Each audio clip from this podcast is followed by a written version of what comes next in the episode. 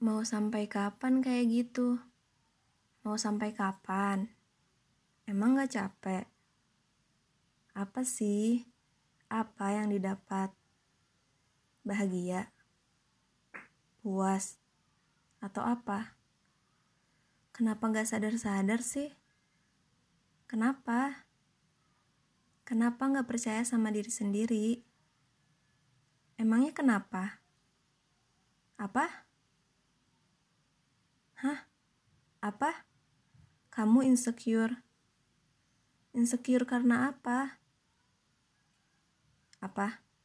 Insecure karena apa yang terjadi di dalam hidupmu? Gak apa-apa, namanya juga manusia. Hidup berdampingan dan tidak setiap kepala bisa berkompromi untuk bersama. Tapi kenapa malah gak percaya sama diri sendiri sih? Itu lebih menyeramkan dari semua omongan netizen yang sok tahu tentang dirimu yang nyatanya mereka tak pernah tahu. Hal wajar dan sangat-sangat wajar. Namanya juga perjalanan, pasti banyak terjalnya. Tapi harus tetap punya suatu yang diyakini yaitu kepercayaan terhadap diri sendiri. Cukup dengan itu akan membuat kakimu kuat menginjak duri, membuat hatimu baja dihujam omongan orang lain, membuat pikiranmu semakin terbuka bahwa hidup itu berdampingan dan tak bisa sendirian. Ingat, hidup itu mengajarkan kita jatuh untuk bangkit lagi.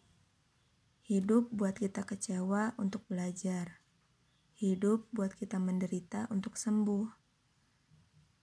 Dan itu pilihan kita, diri kita, hati kita, pikiran kita, bukan orang lain. Kalau kita mau memilih bahagia, berarti harus terima jika suatu waktu kecewa. Jika kita memilih terluka, berarti siap-siap menerima informasi bahagia. Tak ada yang namanya bahagia yang utuh, dan tak ada yang namanya kecewa yang utuh. Bahagia terbentuk dari puing-puing luka yang diterima dengan lapang dada. Kecewa juga terbentuk dari puing-puing bahagia yang berlebihan. Sama saja, hanya saja kita bisa memilih mau sembuh atau terus kambuh. Bukan karena orang lain, tapi karena diri sendiri. Jadi, ketika kita menyalahkan orang lain atas apa yang terjadi di hidup kita, nyatanya kita sedang menyalahkan diri sendiri yang selalu memilih terluka karena ekspektasi berlebihan yang kita ciptakan. Udah ya, udah insecure-nya. Udah.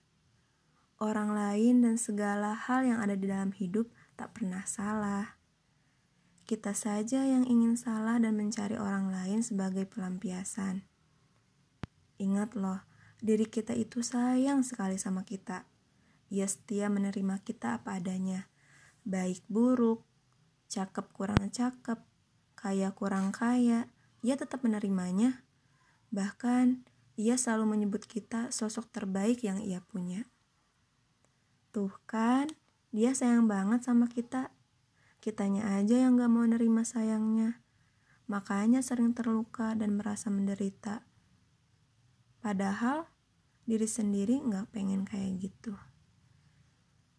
Sayangi diri sendiri karena bahagia dan luka kita yang cipta bukan orang lain.